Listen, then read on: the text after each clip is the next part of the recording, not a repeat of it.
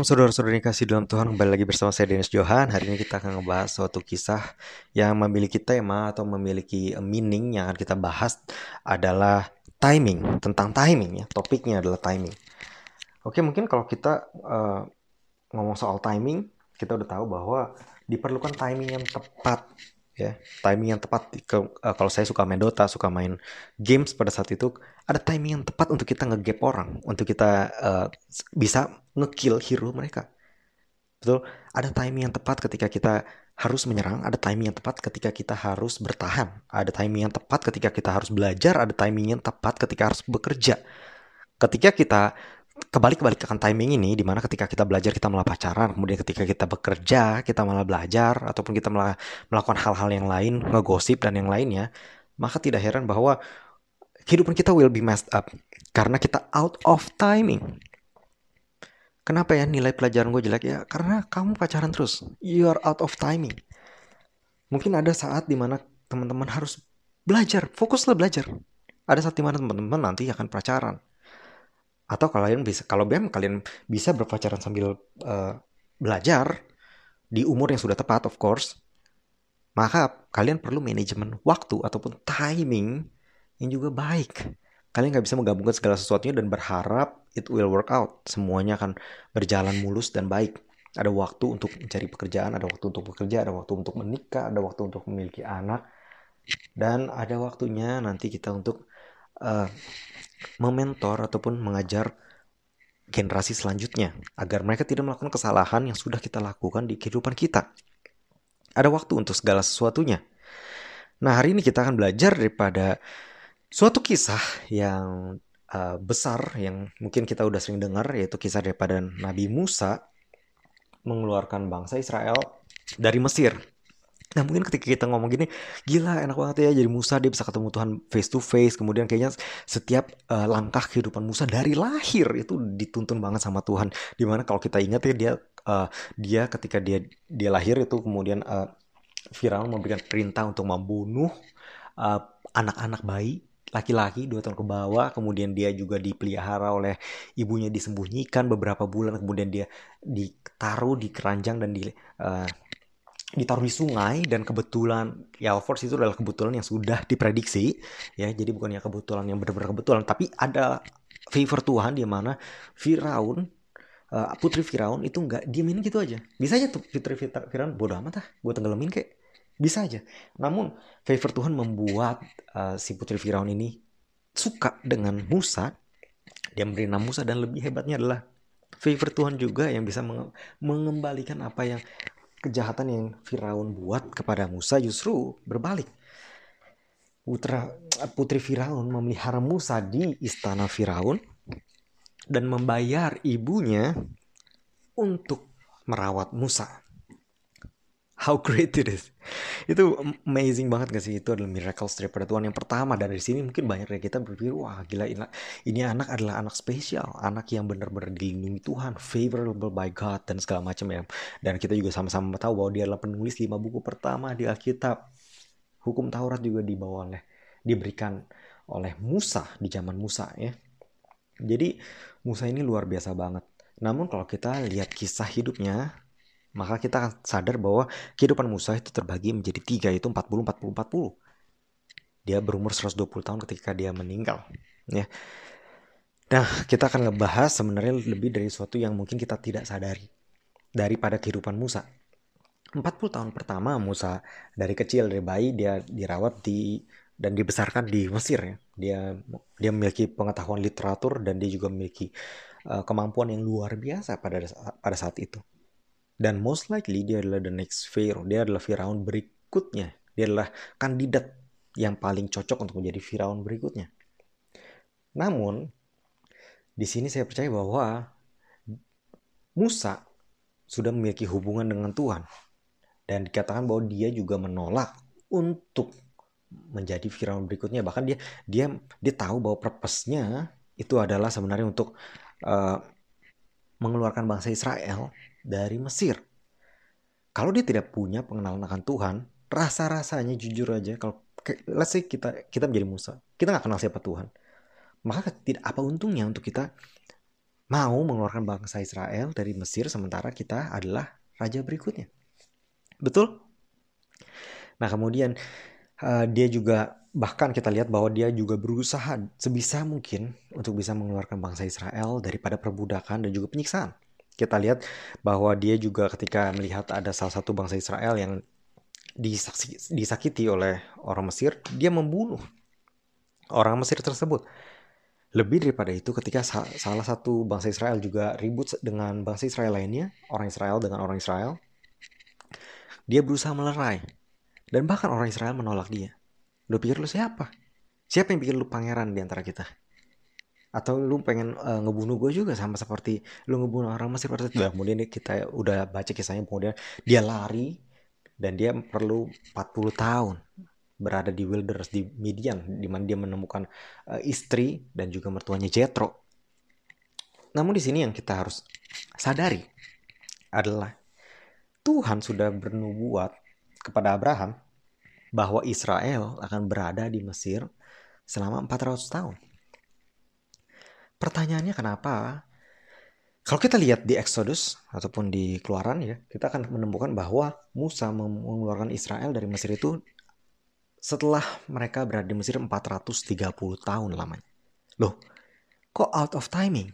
Kok ada missing 30 tahun? Di sini saya percaya adalah karena pada saat Musa membunuh orang Mesir itu, itu bukanlah timing Tuhan untuk memakai Musa untuk mengeluarkan bangsa Israel dari Mesir. Karena Tuhan sudah bernubuat 400 tahun. Bayangkan, Bayangkan aja kalau Musa mau menunggu 10 tahun lagi dan kemudian dia mengeluarkan bangsa Israel dari Mesir. Mungkin cara yang Tuhan akan pakai berbeda atau mungkin sama.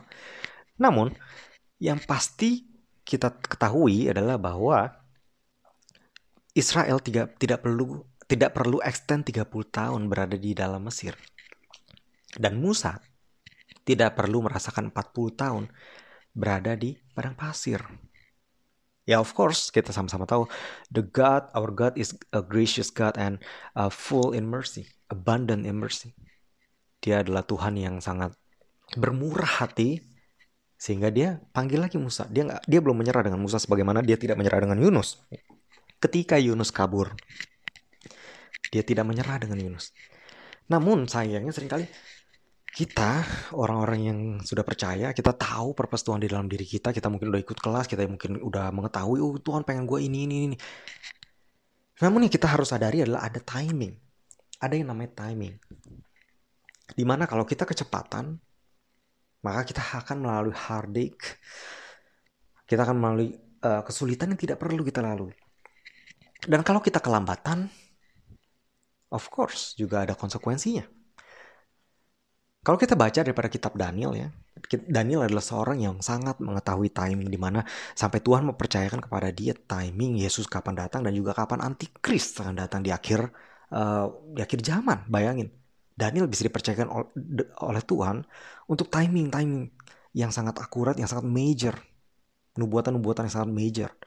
Kenapa? Karena kalau kita baca di dalam kisah Daniel, Daniel adalah orang yang percaya dengan timingnya Tuhan. Dia membaca daripada uh, kitab Nabi Yeremia dikatakan bahwa memang uh, bangsa Israel akan berada 70 tahun di sana dan kemudian barulah mereka akan kembali. Dan Daniel tidak berusaha mempercepat ataupun memperlambat. Sementara Daniel juga adalah salah satu sebenarnya jajahan di sana. Ya of course dia adalah uh, orang bijak yang akhirnya dia uh, raise up to the rank dan dia menjadi salah satu pemimpin terbesar di sana karena Tuhan memberikan dia kesuksesan yang luar biasa dan tidak ditemukannya kesalahan ketika uh, orang-orang juga mencari kesalahan daripada Daniel. Dia adalah orang dengan integritas. Namun yang lebih penting adalah dia dia membaca kitab Nabi Yeremia dan kemudian exactly di tahun di mana uh, Tuhan berkata bahwa di tahun yang 70 mereka akan kembali, maka Daniel berdoa. Dia tidak berusaha mempercepat ataupun memperlambat timingnya Tuhan. Di sini saya percaya bahwa Musa memiliki motivasi yang baik ketika dia uh, berusaha mengeluarkan, berusaha uh, apa ya membela bahasa Israel di di hadapan of course di, daripada orang Mesir yang menyiksa mereka pada saat itu. Namun sayangnya adalah timingnya salah. Seandainya dia mau lebih bersabar 10 tahun lagi, dan kita nggak tahu ya motivasi daripada Musa selain ya dia of course motivasinya adalah baik tapi kemungkinan besar Musa juga uh, berani melakukan itu karena dia juga memiliki kemampuan dia ingat kita harus tahu bahwa 40 tahun pertamanya Musa itu berada di uh, di pendidikan daripada raja-raja dia adalah the next Firian berikutnya. Jadi dia dia of course dia memiliki kemampuan. Bukan hanya kemampuan bertarung kemampuan edukasi literatur dan juga kemampuan-kemampuan lainnya. Dia adalah uh, orang yang memiliki talent. Dan most likely justru karena dia berpikir dia memiliki talent dia bisa untuk melakukan purpose yang Tuhan berikan kepadanya. Saat itu tidak perlu menunggu maka dia out of timing daripada Tuhan dia melakukan sesuatu tanpa Tuhan perintahkan sebelumnya dan akhirnya kita lihat bahwa kehidupan Musa harus berada 40 tahun di padang pasir di mana dia menemukan istrinya dan juga mertuanya Jethro. Namun saya percaya bahwa tidak perlu sebenarnya 40 tahun di padang pasir ini tidak diperlukan seandainya dia mengerti timing daripada Tuhan dan juga dia mau sabar di dalam waktunya Tuhan. Dan bangsa Israel juga seharusnya tidak perlu menunggu ataupun tidak perlu extend 30 tahun. Seandainya Musa mau bersabar 10 tahun. 10 tahun lagi aja. Karena di, pada saat Musa uh, menyerang orang Mesir tersebut yang akhirnya ketahuan dan dia harus kabur itu adalah itu waktu Israel di sana itu udah 390 tahun. 10 tahun lagi Tuhan berjanji mereka akan bebas. Namun karena out of timing daripada leader mereka itu Musa, maka kita lihat bahwa akhirnya mereka justru menjadi lebih lama berada di Mesir bukan nubuatan yang salah, namun orang yang Tuhan pakai out of timing. Saya percaya di sini eh, banyak dari kita yang pernah mengalami namanya out of timing, di luar waktunya. Ketika kita berbicara, menegur orang lain, tidak tepat waktunya, maka of course sesuatu hasilnya tidak akan baik. Begitu pula kalau kita tidak mau menegur terlalu lama, kita menegurnya terlalu lambat maka juga hasilnya juga tidak akan baik. Ada waktu untuk segala sesuatunya. Di sini saya percaya bahwa kita harus sama-sama belajar bahwa ada waktu yang tepat untuk melakukan setiap hal. Kita juga tidak cuma mau melakukan hal baik, tapi kita juga mau mengetahui waktu yang terbaik untuk melakukan suatu hal. Di sini bukan berarti saya berkata bahwa ya udah kita uh, tunggu tunggu aja, tunggu terus, nggak perlu nggak perlu melakukan apa pun. Of course not. Kita harus berdoa kita harus percaya dan kita juga harus uh, bersandar senantiasa kepada Tuhan dan bukan kepada kemampuan kita sendiri. Mungkin pada saat pada saat itu Musa belum siap untuk memimpin uh, Israel keluar dari Mesir. Sehingga Tuhan sudah memiliki waktu yang tepat di mana 400 tahun saya percaya bahwa Musa sudah siap namun karena dia uh, memakai kekuatannya sendiri dengan motivasi yang baik untuk dia tahu purpose-nya namun akhirnya karena timingnya off, dia harus berada 40 tahun. Jadi jadi karena satu orang yang out of timing kita lihat bahwa ada banyak orang yang dirugikan juga. Dan mungkin kita kita bukanlah sosok ataupun figur seperti Musa di mana kita akan merugikan uh, jutaan orang. Namun saya percaya bahwa kita tidak uh, terlepas daripada satu dengan yang lainnya. Contohnya aja kalau kita bawa mobil, kalau kita out of timing, kita ngerem tidak tepat pada waktunya, maka orang belakang kita bisa nabrak kita. Betul nggak? Ada banyak orang yang mungkin nggak nggak sebanyak nggak jutaan, tapi ada orang-orang yang dirugikan karena kita out of time. Oleh karena itu, hari ini saya ingin mengajak kita semua untuk percaya kepada Tuhan, berdoa, dan jangan mengandalkan kekuatan kita sendiri. Dan kita harus sadar bahwa setiap kita mengandalkan kekuatan sendiri, everything will be messed up. Ataupun stressed out. Karena percayalah bahwa ada waktu untuk segala sesuatu di mana Tuhan akan menempatkan desire, his desire. Selama kita mau delight in God, selama kita mau terus bersandar kepada Tuhan, maka dia akan menaruh keinginannya di dalam hati kita untuk kita melakukan sesuatu sesuai dengan timingnya. Bukan keinginan kita sendiri, tapi keinginan Tuhan. Dan oleh karena itu dibutuhkan doa, communion dan juga dibutuhkan uh, praise and worship supaya kita semakin mengenal siapa Tuhan kita dan juga kita mau bersandar kepada kekuatan dan juga waktu daripada Tuhan. Percayalah tidak ada sesuatu yang terlalu terlambat ataupun terlalu cepat di mata Tuhan. Tuhan mengetahui timing yang paling tepat untuk kita melakukan sesuatu. Oleh karena itu, eh, marilah kita sama-sama mencari Tuhan dan juga melakukan apa yang kita tahu kita harus lakukan di saat di mana kita berada saat ini dan sama-sama kita percaya bahwa pada waktu yang tepat maka Tuhan juga akan menunjukkan apa yang kita harus lakukan dan juga bagaimana kita melakukan sesuatu yang dia ingin kita lakukan dengan caranya dan dengan kekuatannya bukan dengan kekuatan kita. Seringkali kita mengandalkan kekuatan sendiri karena kita memiliki talent. Kita tahu kita bisa. Udah nggak usah nunggu lagi, langsung aja saat ini. Tidak semua yang saat ini itu baik. Saya tahu kita harus hidup in the now atau hidup di saat ini. Karena iman hidup dalam iman adalah hidup, di saat ini bukan hidup masa depan ataupun hidup di masa lalu sebenarnya ya jadi however kita juga harus ingat bahwa ada ada hal-hal yang memang tidak perlu kita lakukan saat ini. Mungkin kita tahu kita perlu lakukan tapi mungkin belum saatnya. Dan mari kita sama-sama mencari Tuhan untuk mencari kebijaksanaan kapan kita perlu melakukan sesuatu yang memang daripada waktunya Tuhan. Mungkin itu aja yang pengen saya sharing pada malam hari ini. Mudah-mudahan bisa memberkati. Uh, stay safe dan see you and God bless you